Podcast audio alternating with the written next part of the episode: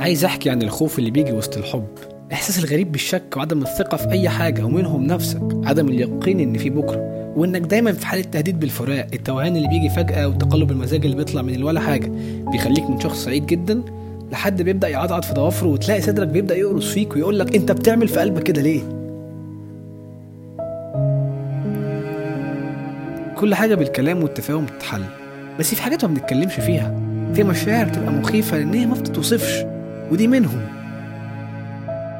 أنا خايف من المجهول خايف بكرة ما يجيش بالشكل اللي أنا فكرت فيه سوا. ماذا لو جه؟ هل هتقبل العيوب الموجودة؟ التناقض اللي بيتخلق مع الشك ده مصيبة. هل فعلا أنا بحب؟ ولا أنا أصلا بحب إني أتحب؟ بس في الاغلب أنا مش عارف لو أنا محبوب.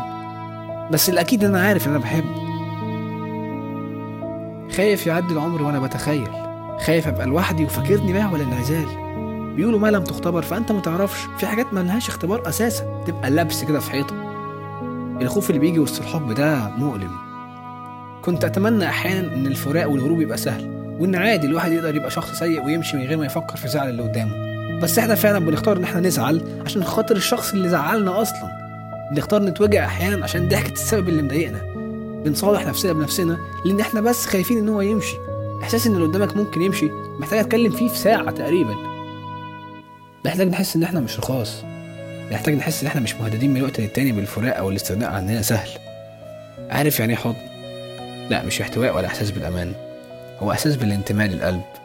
وأي حد لو منتمي لحاجة مهما حصل هو هيفضل ليها. فاهمين حاجة؟